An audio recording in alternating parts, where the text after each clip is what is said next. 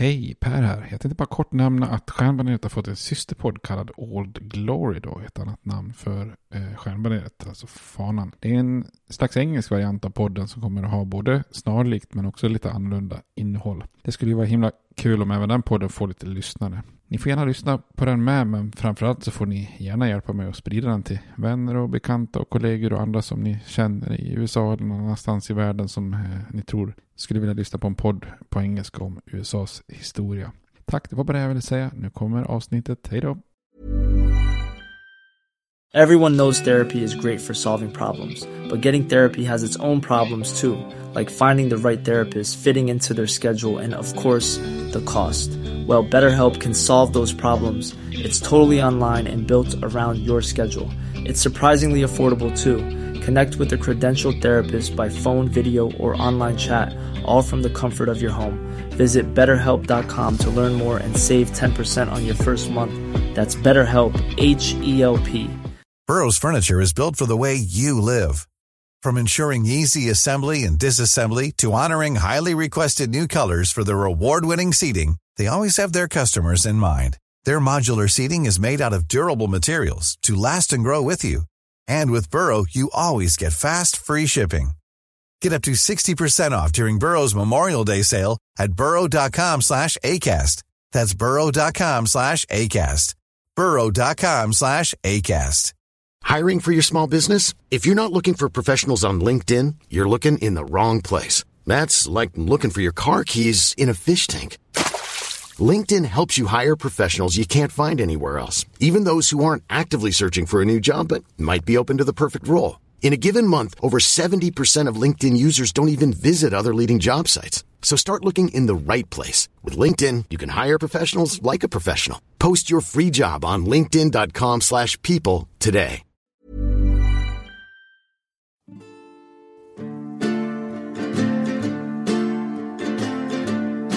We hold these truths to be self-evident, that all men are created equal, that they are endowed by their Creator with certain unalienable rights, that among these are life, liberty, and the pursuit of happiness. Now we are engaged in a great civil war, testing that government of the people, by the people, for the people, shall not perish from the earth. And so, my fellow Americans, ask not what your country can do for you, ask what you can do for your country. I have a dream that my four little children will one day live in a nation where they will not be judged by the color of their skin, but by the content of their character. Mr. Gorbachev, tear down this wall. I did not have sexual relations with that woman, Miss Lewinsky. Hej och välkommen till Stjärnbaneret, en podcast om USAs historia med mig Per Fjärdingby. Där vi har rusat in i 60-talet och börjat eh, fokusera på den andra halvan av 60-talet här. Så att eh, det här börjar ju verkligen rusa på mot modern historia som man nästan snart själv kan relatera till. Jag inser nu att min äldsta bror var ju faktiskt, han var ju född 66. Så att eh, det är ju under den här tidsperioden. Eh, och det, nu, nu börjar man ju gå förbi min föräldrageneration. Min pappa till exempel var ju född 45 när andra världskriget tog slut. Det börjar kännas som det var länge sedan vi var, där, där var inne på de områdena så att säga. Men vi har ju pratat om nationell och internationell eh, fokus och, och eh, presidenterna Kennedy och Lyndon B Johnson. Eh, och vi har ju pratat också lite grann i förra avsnittet om all den här, alla de här studentupproren och all motkultur och den nya vänstern och den nya högern och hippierörelsen och vi pratade också om de här svarta pantrarna och all den rädsla i den äldre så kallade eh, depressionsgenerationen som kämpat för den materiella välfärden och tillväxt som förfärades och tyckte att en hel ungdomsgeneration verkar och hela samhället verkar vara på väg åt fel håll. Och en ungdomsgeneration som ifrågasatte sina föräldragenerationers eh, värderingar och familjestrukturer och, och eh, fokus på det materiella. Det är ju inte bara studenter och unga som, eh, som gör upp uppror och protesterar och, och organiserar sig i, i, olika typer av aktivism. Idag ska vi kolla på ett antal andra grupper och proteströrelser som också rullar vidare på 60-talet och, och fortsätter in på 70-talet också delvis då så att säga. För det är ju utöver ungdomar och afroamerikaner så, så är det ju eh, många som försöker hävda sig både i politiken och i samhället. Då.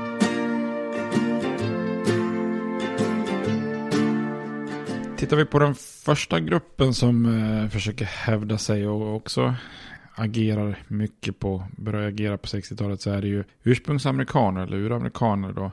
Det finns ju ingen annan minoritet eller grupp i USA eh, som hade kanske så stor rätt att motsätta sig den amerikanska kulturen. Eh, det var runt den här tiden då på 60-talet som de på, på, eh, på allvar krävde att få kallas native americans eller ursprungs eller uramerikaner istället för indianer då. Eh, ja, det kanske var på tiden då bara så här drygt 500 år efter att Columbus eh, skapat den här begreppsförvirringen i slutet på 1400-talet då ursprungsamerikaner var ju den grupp i det amerikanska samhället som oftast var fattigast och, och även minst hälsosam. Det är klart, hälsa och fattigdom hänger ju såklart ihop. Eh, de hade extremt få möjligheter och medan afroamerikaner uppmärksammades eh, både på gott och ont om man säger så då, så kan man väl säga att ursprungsamerikaner snarare bara ignorerades. Eh, efter andra världskriget så rådde ju återigen en sån här era eh, där myndigheterna och de vita liksom, protestantiska mainstream i USA ville, ville ägna sig åt assimilering av ursprungsamerikaner. I samma, eh, alltså att försöka integrera dem i det amerikanska samhället och kulturen vare sig man egentligen ville det eller inte. Då. Eh, 1953 så etablerades en, en policy kallad termination vilket innebar att den federala staten helt enkelt tog tillbaka sina sitt officiella erkännande av, av stammarna och deras eh, speciella legala status som de tidigare hade, hade fått i, tidigare på 1900-talet. Och det innebar att ursprungsamerikaner skulle hanteras eh, snarare av delstaterna då, där de bodde utan några särskilda privilegier eller status, precis som vilka medborgare som helst då, så att säga och inte längre liksom var en speciell federal fråga. Då. Samtidigt försökte ju också staten uppmuntra då, eh, stammarna eller ursprungsamerikanerna att assimileras in då i det vita samhället och man uppmanar dem att gärna flytta ifrån då den fattiga landsbygden och in till städerna eh, som att det skulle ha blivit eh, en, ett, ett, eh, någonting bättre då. Eh, målet var ju såklart att man ville få in ursprungsamerikaner att ja, anpassa sig och integreras i samhället så att man liksom tappade sina specifika kulturella rötter. Då. Och den här policyn var ju med väldigt få undantagen, eh, alltså få individer kanske, så var det ju en katastrof för ursprungsamerikaner som också motsatte sig policyn ganska starkt. Och president Eisenhower tvingades backa redan eh, fem år senare, 1958, från vissa delar av det här. Då istället fick stammarna tillbaka ett visst erkännande och försök att lyfta gruppen ekonomiskt gjorde också i samband med Johnsons eh, satsningar på the, the Great Society. Då. Eh, motståndet på 50-talet här så det är ju ett frö och ökar självmedvetenheten bland ursprungsamerikaner. Och, eh, till skillnad från tidigare så börjar de organisera sig. Alltså inte, alltså de har ju varit organiserade kulturella stammar så att säga. Men eh, de börjar organisera sig som mer som aktivister och som andra proteströrelser. Och organisa organiseringen gynnades ju också av att Eh, ursprungsamerikaner som grupp växte vid den här tiden eh, starkt befolkningsmässigt. Och, eh, mellan åren 1950 till 1970 så dubblerades antalet ursprungsamerikaner till, till ungefär 800 000. Då. Visserligen en väldigt liten minoritet sett till, till hela befolkningen men, men ändå eh, viktigt för, för just ursprungsamerikanerna i sig. Då. 1961 så samlas ungefär 400 personer från 67 olika stammar på en konferens i Chicago. Då. Man slår fast principen om att jobba för att ursprungsamerikanerna skulle ha rätt att välja sitt eget traditionella sätt att leva. Då. Och ungdomsorganisationer bildas och senare också lite mer en militant grupp 1968 som kallas för American Indian Movement. Eh, och ibland har ju den här, deras kamp eh, kallats för, man tänker afroamerikanernas kamp kallades ju mycket, man lyfter fram det här begreppet Black Power. Då har man ju den här American Indian Movement, typ deras kamp ibland kallas för Red Power helt enkelt. Och all den här aktivismen fick ju resultat. 1968 så röstade kongressen igenom Indian Civil Rights Act som lite grann erkände stammarnas delvis självstyre då på reservaten som fanns kvar och grundläggande rättigheter och det har ju ibland kallats för att nu fick man en så kallad Indian Bill of Rights då, alltså att man fick erkända rättigheter. Eh, rörelsen fortsätter att jobba för ursprungsamerikanska rättigheter och, och försökte ju på många ställen återfå rätten till olika områden och natur som man hävdade tillhörde stammarna sedan ur, urminnes tider. Eh, I vissa lägen så letade man upp gamla dokument i form av fördrag mellan stammar och den federala staten och travade in på domstolar och inledde juridiska processer för att få tillbaka mark som man ansåg sig ha, ha rätt till enligt de här olika fördragen. Då. Och det kunde ju handla om att till exempel stoppa gruvor från att förstöra mark som man eh, ansåg tillhörde stammen. Eller att återfå fiskerättigheter eller eh, ersättning för mineralbrytning eller något sånt där. Och i många fall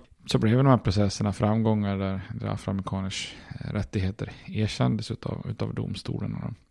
Ett antal eh, insatser då från den här så kallade Red Power-rörelsen eh, försökte också lite, lite mer dramatiskt återta eller protestera för olika eh, områden och platser. Och, eh, och det här, ett exempel är ju när en grupp eh, ockuperar den övergivna fängelse, fängelset på en Alcatraz utanför San Francisco. Då. Eh, och 1973 så ockuperar också den här American Indian Movement eh, orten Wounded Knee, South Dakota, då, där den här ökända brutala massakern hade ägt rum 1890. Eh, då. Ockupationen var i två månader för att liksom, pressa staten att erkänna vissa tidigare fördrag som staten hade ingått med stammarna men struntat i. Då. Ett annat exempel på protest var ju när kontoret till Bureau of Indian Affairs i Washington DC ockuperades av nästan tusen aktivister som tillhör den här Lakota Sioux-stammen i sex dagar.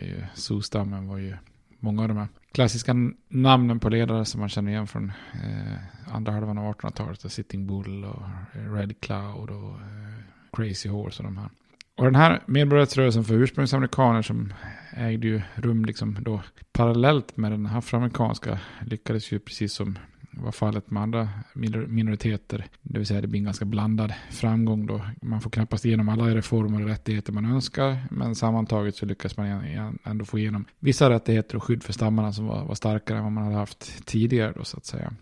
Men man ska komma ihåg att ursprungsamerikaner fortsatte trots de här relativa framgångarna att vara den fattigaste gruppen i det amerikanska samhället på många platser. Eh, många valde att bo kvar på de här reservatplatserna och där kunde arbetslösheten ibland ligga på mellan 40 och 75 procent. Eh, ja, det säger sig själv att det är en ganska brutal arbetslöshet, 40 till 75 procent. Och medellivslängden var 46 år. Det är ju också oerhört lågt och genomsnittliga inkomsten var ju för, för ursprungsamerikaner var ju ofta långt under fattigdomsgränsen och jämfört med andra grupper. Då. Länge hade man också en väldigt hög barnadödlighet jämfört med alla grupper i USA. Då. Så att ursprungsamerikaner fortsatte att vara en väldigt eh, fattig och isolerad del av, av den amerikanska befolkningen.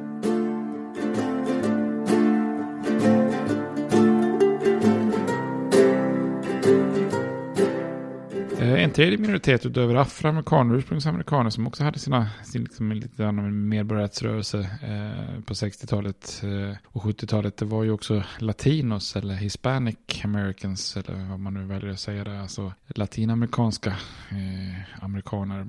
Och bland, bland de här minoriteterna så så var ju latinos den snabbast växande gruppen i USA på 60 och 70-talen. Alltså, väldigt stora grupper mexikaner hade kommit till landet redan under andra världskriget och sen blivit kvar då, speciellt i den sydvästra delen av landet och i städerna i Kalifornien. Då. Los Angeles till exempel hade 1960 en större mexikansk befolkning än alla mexikanska städer utöver Mexico City. Då. Dessutom kom det ju många, jag tror vi nämnde det tidigare i ett avsnitt, att det kom ju också väldigt många från Puerto Rico som bosatte sig på östkusten, främst i, i New York. Då. Och i Florida så är det ju också väldigt många latinos i form av eh, kubaner som, som flyr från Castros regim på, på 60-talet som bosatte sig i Florida. Det är ju geografiskt oerhört nära dem.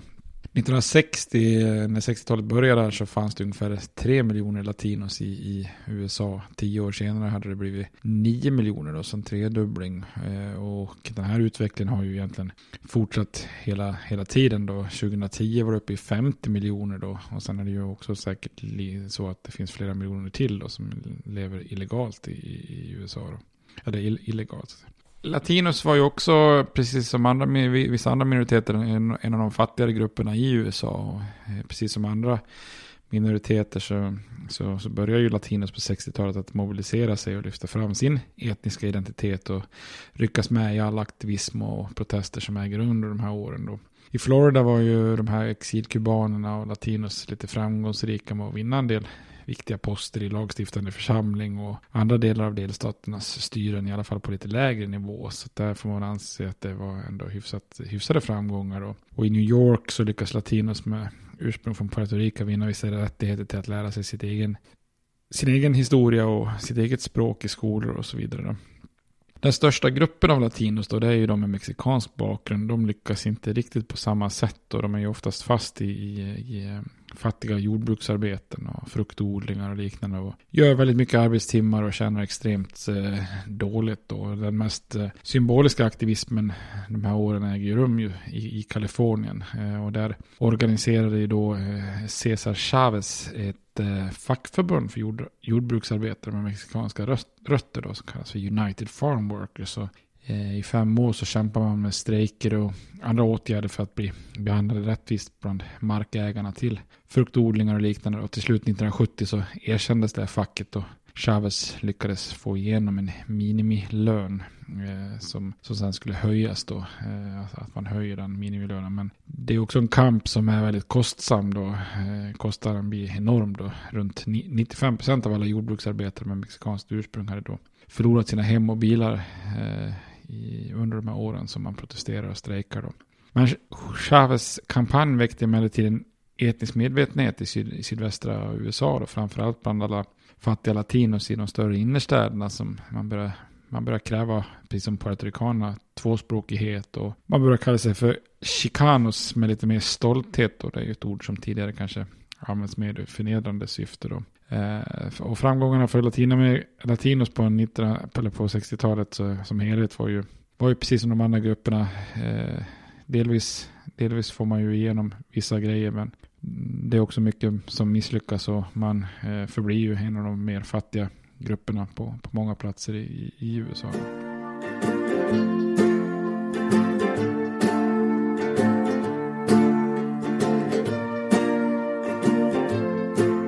En annan frigörelse som på många sätt eh, inledde en öppen kamp för social acceptans och rättigheter i USA på 60-talet var ju eh, de homosexuella. Eh, genom hela USAs historia fram till 60-talet hade ju homosexualitet varit något liksom icke accepterat och homosexuella hade ju generation efter generation tvingats hålla tillbaka på sin sexualitet eller att man då höll det strikt hemligt och privat och eh, ibland i, grupper då som frivilligt isolerade sig och inte sällan eh, utsattes för förtryck och avskyddes av, av övriga samhället. Men på 60-talet då inspirerad av all annan frigörelse och alla andra protester så skapas också en slags gayrörelse som bokstavligt talat då kom ut, om man uttrycker det så, och protesterar för sin eh, rätt i, i samhället. Då. Eh, och en väldigt viktig händelse som inträffar är ju den eh, 27 juni 1969 i Greenwich Village i New York, eh, alltså New York City då, eh, som är ju ett område då som är känt för sin gay-community. Eh,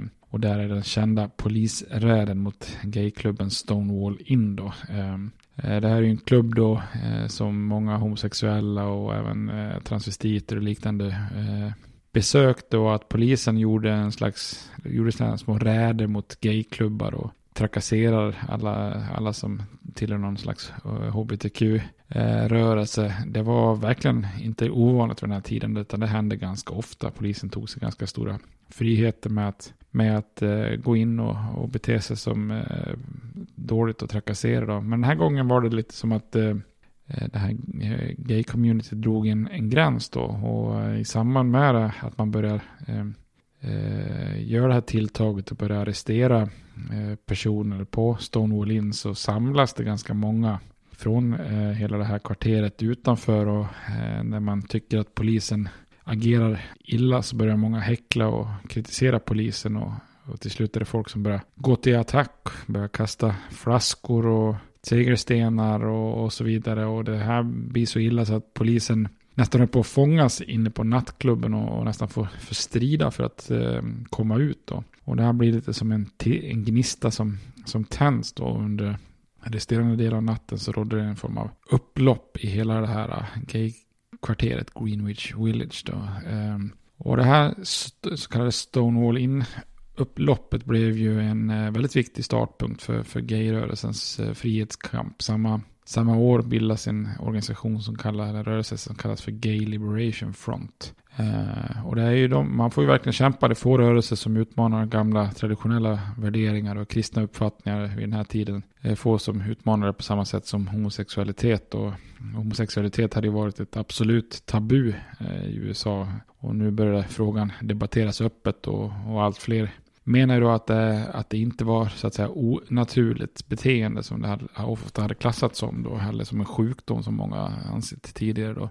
Eh, och rörelsen var ju alltså viktigt för, för många homosexuella som kanske dolt för familj och släkt och annat och så, som, som nu tack vare den här rörelsen vågar, vågar komma ut för första gången eh, öppet då, som homosexuell. Så att det är ju man kan säga att den här gayrörelsen blir ju som en slags dubbel frihet både på det individuella planet med många som, som kommer ut offentligt men också kollektivt och deras gemensamma kamp. Och under 60-talet så lyckades man vinna många segrar och vinna mycket mark. Då. En viktig milstolpe var ju när det amerikanska läkarförbundet 1973 slutade att lista homosexualitet som en mental sjukdom som man hade gjort tidigare. Då.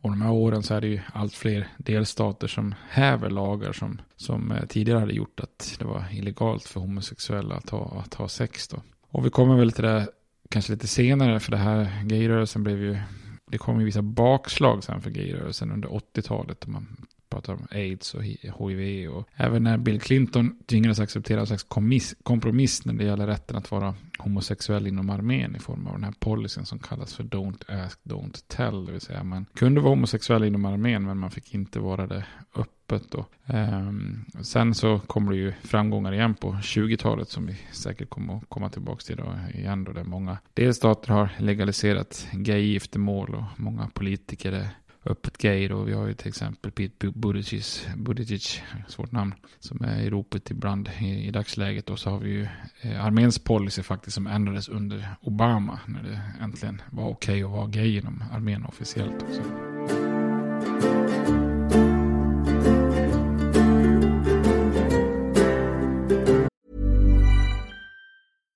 Sandra, and I'm just the professional your small business was looking for. But you didn't hire me because you didn't use LinkedIn jobs. LinkedIn has professionals you can't find anywhere else, including those who aren't actively looking for a new job but might be open to the perfect role, like me.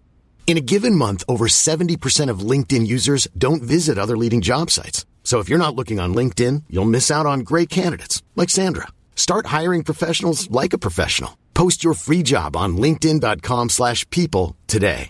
Everyone knows therapy is great for solving problems, but getting therapy has its own problems too, like finding the right therapist, fitting into their schedule, and of course, the cost. Well, BetterHelp can solve those problems. It's totally online and built around your schedule.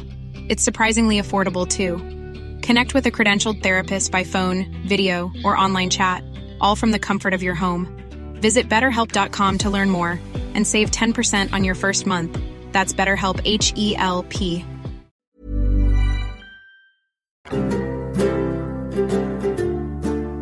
tittar på de här frihetsrörelsen under 60-talet då så var ju inte den bara begränsad till minoriteter eller, eller gay-personer utan även kvinnor då som ju faktiskt är halva, halva befolkningen inledde en, en kamp då med när en ny feminism växte fram på 60-talet då.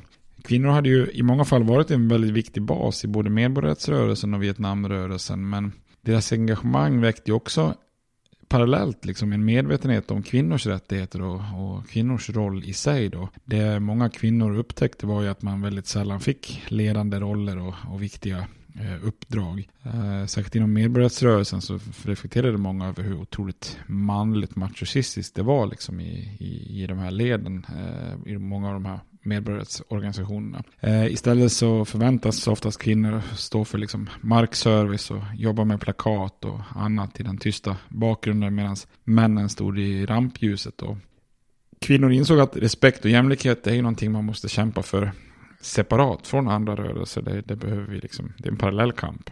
Andra världskriget hade ju varit lite av en uppsving för kvinnors möjlighet att jobba, men eh, i det stora hela så var ju kvinnornas situation i USA rätt så statiskt liksom under eh, såväl 1960 som det hade varit egentligen 1920. Eh, till och med så att färre kvinnor eh, ändå, alltså färre kvinnor 1960 jämfört med 1920 gick på college och universitet och kvinnorna var ju i, fortfarande i många fall hänvisade till vissa specifika yrken som lärare och sköterskor, även om de hade jobbat inom industrin tillfället under, under andra världskriget på grund av, av det enorma behovet så, så hade man återgått till klassiska kvinnoyrken då. Och eh, tvns intåg i den amerikanska kulturen hade ju också, alltså olika tv-serier hade ju snarare förstärkt egentligen den här stereotypa amerikanska kvinnan som en hemmafru som skötte barn och, och hemmet. Då. även om kvinnorörelsen redan fanns så kom det ju en väldig katalysator för den här nya feminismen eh, 1963 då. Det året så publiceras ju boken The Feminine Mystique av eh, Betty Friedman. Och Friedman hade ju skrivit för olika kvinnomagasin på 50-talet och hon hade i, i det här jobbet intervjuat mängder med kvinnor som hade gått ut college samma år som henne 1947 och pratat om hur de levde nu eh, ett antal år efteråt och vad de hade för drömmar och så vidare. Och det här intervjumaterialet sammanställde hon sen, eh, blev ju som en enorm undersökning i sig då. Och det som var uppenbart var ju att det som det amerikanska samhället i stort beskrev som drömmen för kvinnor Eh, och kvinnoidealet, eh, det stämde ju inte alls överens alltid med det kvinnornas egna uppfattningar. Samhället menar ju att ideallivet för kvinnor var att leva i material, eller materiell välfärd i komfortabla förorter där man kunde ta, hem, ta ansvar för hem och barn samtidigt som man kunde ägna sig åt välgörenhet. Och, och det Betty Friedmans intervjuer visar var ju, var ju att många kvinnor var frustrerade och olyckliga och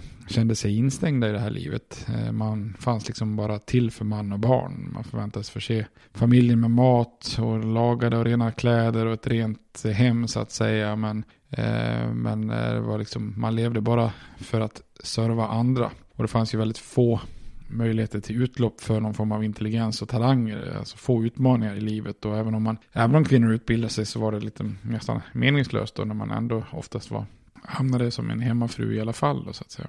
Eh, Friedman gick så långt att hon eh, till och med beskrev de amerikanska hemmen som eh, a comfortable concentration camp. Så det är ganska, ganska talande för det här synsättet. Då.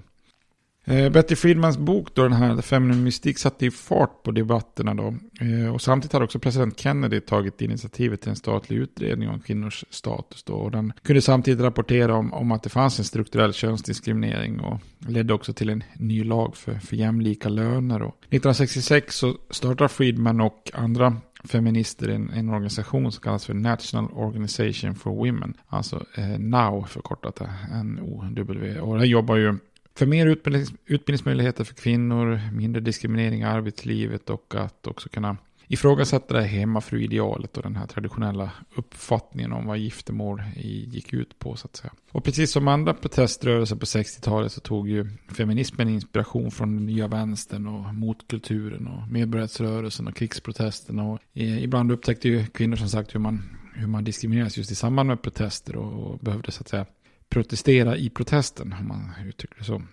Eh, I början av 70-talet eh, så började den nya feminismen skörda vissa framgångar med, med åtgärder som hälsokliniker för kvinnor och hjälpcenter för offer från eh, övergrepp och våldtäkt och eh, möjligheter till barnomsorg och abortkliniker och sånt här. Och många utbildningsinstanser som tidigare hade varit stängda för kvinnor helt öppnades upp då. Saker som skolor som Princeton och Yale till exempel. Och Eh, många kvinnor börjar också utmana och göra framsteg inom arbetslivet. Eh, och att både kvinnan och mannen gjorde karriär blev, blev en allt mer accepterat och socialt. Och det blev också vanligt att man slutade kalla kvinnor utifrån mannens namn och att man kort och gott refererade till dem inom arbetslivet utan att göra skillnad på det här med miss och missis och sånt som gjorde, egentligen var helt irrelevant varför man skulle veta kvinnors status som gifta eller inte på en arbetsplats och så vidare. Eh, allt fler Kvinnor valdes ju också in i kongressen. 1972 röstade kongressen igenom det så kallade Equal Rights Amendment till konstitutionen. Då. Eh, och det här var ju ett förslag på tillägg till konstitutionen som hade gjort det omöjligt för alla delstater att utfärda lagar som skilde mellan män och kvinnor legalt då, när det gällde giftermål och skilsmässor och egendomsrätt och arbetsrätt med, med mera. Med mera då. Eh, så det här tillägget går ju igenom kongressen 72 eh, och skickas ut till delstaterna för ratificering. Och till en början när, man, när det skickas ut så ser det ut att ganska snart kunna bli en del av konstitutionen. Men i slutet av, av 70-talet så tappar rörelsen för att ratificera det här eh, tillägget eh, fart och eh, det växer också fram en antifeminism som uppstår som är, med näbbar och klor försökte stoppa det här tillägget av rädsla för att det skulle förstöra traditionella sociala mönster mellan könen. Då. En väldigt ledande röst för den här motrörelsen och antifeminismen var ju Phyllis Schlafly.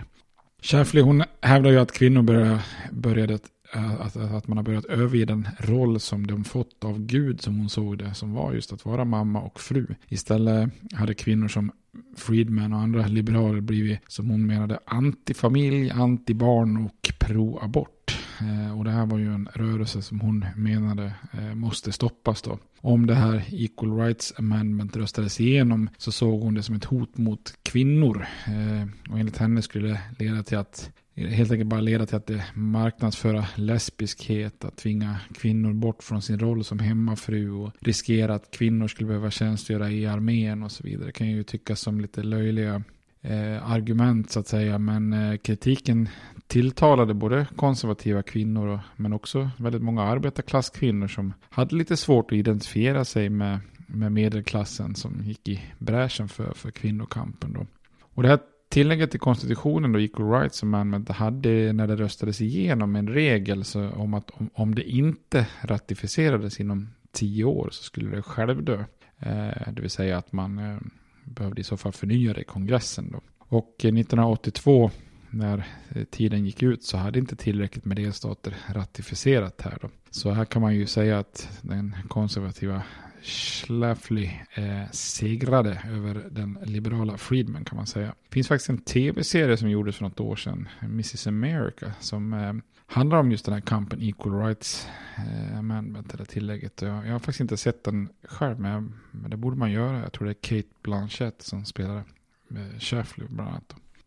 En fråga som verkligen var viktig för den nya feminismen men som kvinnor stridit för sedan 20-talet var ju rätten till abort. Då. Och det var ju ett viktigt steg i kvinnors frigörelse både för, både för sexualiteten och kunna välja sitt liv. Då. Och ett första steg eh, var ju ökad information och användning av preventivmedlet. Och i slutet av 60-talet hade ju många delstater övergett förbudet för abort. 1973 kom till slut det här rättsfallet Roe vs. Wade som baserades på principen om, om eh, rätten till privatliv, right to pri privacy, som fastställts fastställt i ett annat rättsfall, Griswold vs. Connecticut, några år tidigare av högsta domstolen. Då. För den nya feminismen och andra liberaler som var i den nationella konstitutionella rätten till abort en, en väldigt stor, eh, stor seger så att säga och har ju varit det sedan dess. Men eh, vi vet ju alla vad som har hänt nyligen när, faktiskt när högsta domstolen hävde fallet. Då.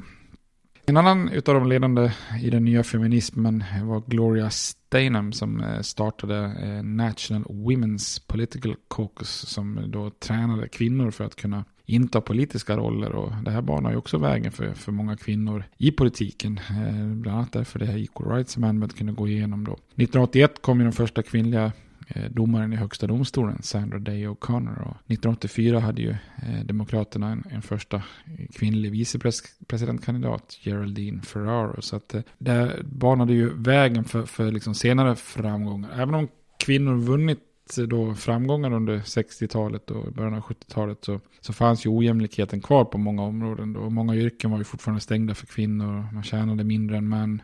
Och kvinnoyrken hade ju sällan samma eh, säkerhet i försäkringen till exempel. Och sånt där. Arbetslösheten var konstant större för kvinnor än män. Och för många ensam, ensamstående kvinnor med barn var ju livet en, en hård kamp då. Eh, bland de som klassificeras som fattiga i USA var ju kvinnor verkligen över, överrepresenterade jämfört med med män då så att säga. Men ändå, ändå en del framgångar. Så att det är väl ungefär likadant som med minoritetsgrupper också. Att många av de som behöver strida för ett jämlikt och jämställt samhälle når framgångar på 60-70-talet men, men kanske inte liksom når helt fram till, till visionen man har.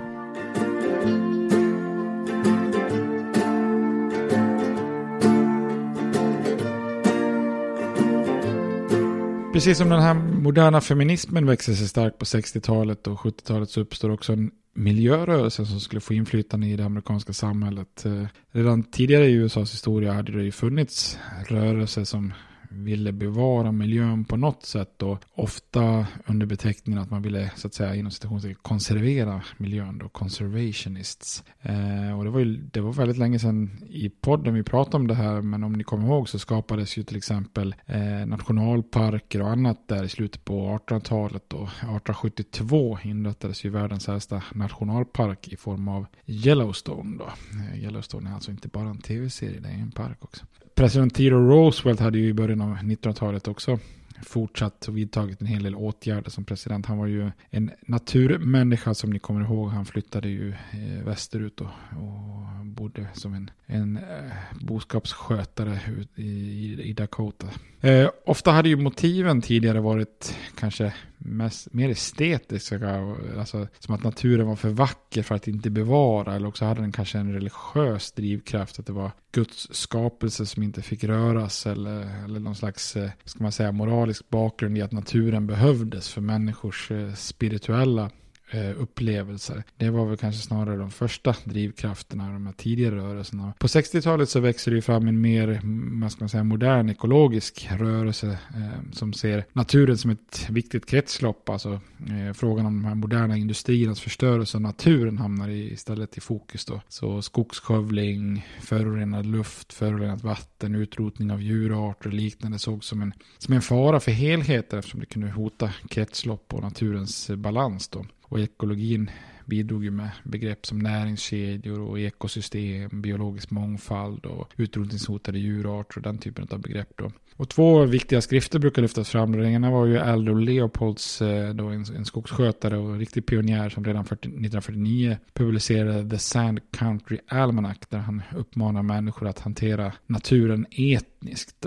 eller etiskt rätt då, etniskt. etiskt. Um, den stora ögonöppnaren som, som verkligen satte fart på debatten kom ju sedan 1962 då, eh, under 60-talet som ju för närvarande håller på att prata främst om då. Och det är ju Rachel Carsons kända bok då, eh, Tyst vår, Silent Spring som den heter. Eh, där hon skrev om hur kemikalier som användes inom jordbruket kunde vara förödande för, för naturen då så att säga. Och på 60-talet så började det också bli väldigt tydligt för många vanliga amerikaner att miljön är hotad. Det räckte liksom bara att se sig om och se vad den industriella tillväxten som eh, okontrollerat nästan hade bidragit med då.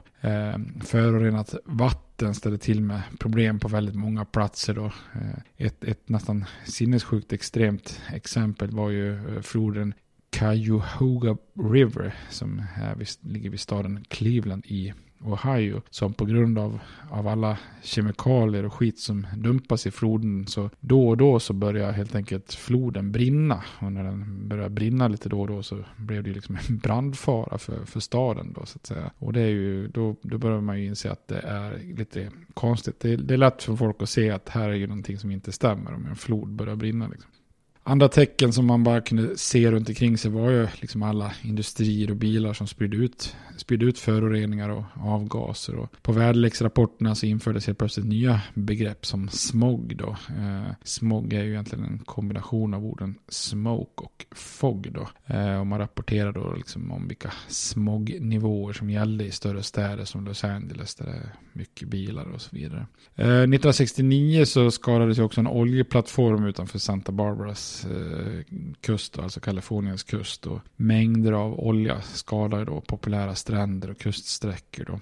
Eh, ett antal organisationer då, eh, från egentligen klassiska vildmarksrörelser och rörelser för nationalparker och liknande började på 60-talet då slå sig samman med fackförbund och en del religiösa organisationer och andra frihetsförespråkare för att bilda då den moderna miljörörelsen i USA. Många av de här aktivisterna började kämpa för miljön då och vetenskapen kunde ju förse dem med statistik och man anlitar advokater som för att utkämpa rättsliga slag då mot företag och eh, staten. Och på 60-talet så är ju en av dem som engagerar sig starkt i miljöfrågan det är ju landets First Lady då, eh, Lyndon B Johnsons fru Lady Bird Johnson som engagerar sig starkt i, i, i miljöfrågan och lanserar vad hon kallar för a beautification kampanj eh, i mitten av, av eh, 60-talet. Då. Men också mot kulturen i stort då, som vi pratar om, alltså hippierörelsen exempelvis, romantiserar ju om att bo och verka i naturen och, och, och liksom, eh, är ju allma, har ju ett allmänt motstånd mot materialism i form av teknologi och industri och materiella överflödet och vill ju hitta mer av en naturlig balans då i, i livet i stort så att säga. Miljörörelsen banar ju vägen för en del framgångar som sedan skördas eh, på 70-talet och 1970, eh, år 1970 infördes till exempel Earth Day där man demonstrerade för ett hälsosamt jordklot och de som organiserade Earth Day var ju noga med att inte identifiera sig med den här nya vänstern och lyckades ju också locka breda grupper, även konservativa, eftersom demonstrationerna inte verkar lika radikal som till exempel medborgarrättsrörelsen eller Vietnamrörelsen. Då. Så över 20 miljoner amerikaner deltog i såna Earth Day demonstration, vilket gjorde det kanske till den största demonstrationen i USAs historia. Då. Miljörörelsen fick ju också igenom vissa politiska förslag. Då. 1970 så antog kongressen en, en ny lag som heter National Environmental Protection Act som skapar helt enkelt en ny miljöskyddsmyndighet. Då. 1970 och 72 antogs också lagar som, eh, som kallas för Clean Air Act och Clean Water Act som gav staten vapen för att kunna bekämpa miljöförstörande aktörer så att säga. Så att det här, här läggs i grunden.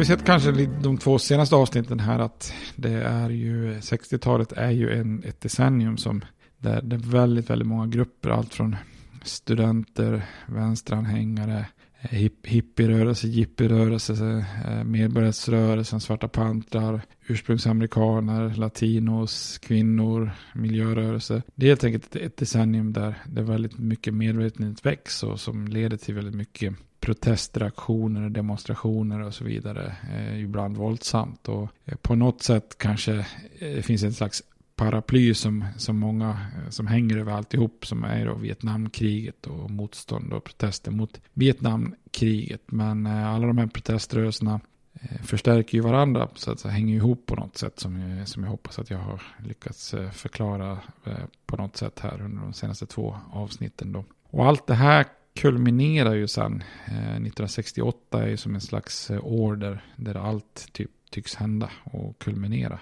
Eh, precis inför presidentvalet. Men det tänkte jag att vi skulle titta på i nästa avsnitt då.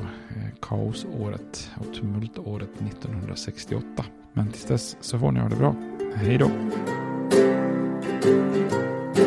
States like these and their terrorist allies constitute an axis of evil. And if the hippies and the yippies and the disruptors of the systems that Washington and Lincoln as presidents brought forth in this country will shut up and work within our free system of government, I will lower my voice. If the impeachment provision in the Constitution of the United States will not reach the offenses charged here, then perhaps that 18th century Constitution should be abandoned to a 20th century paper shredder. Therefore, I shall resign the presidency effective at noon tomorrow.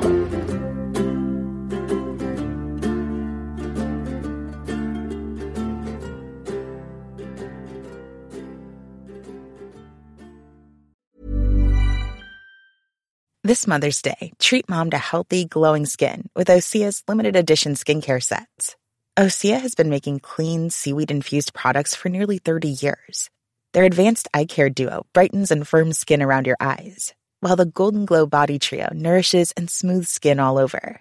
Go to OSEAMalibu.com and use code MOM for 10% off your first order site wide.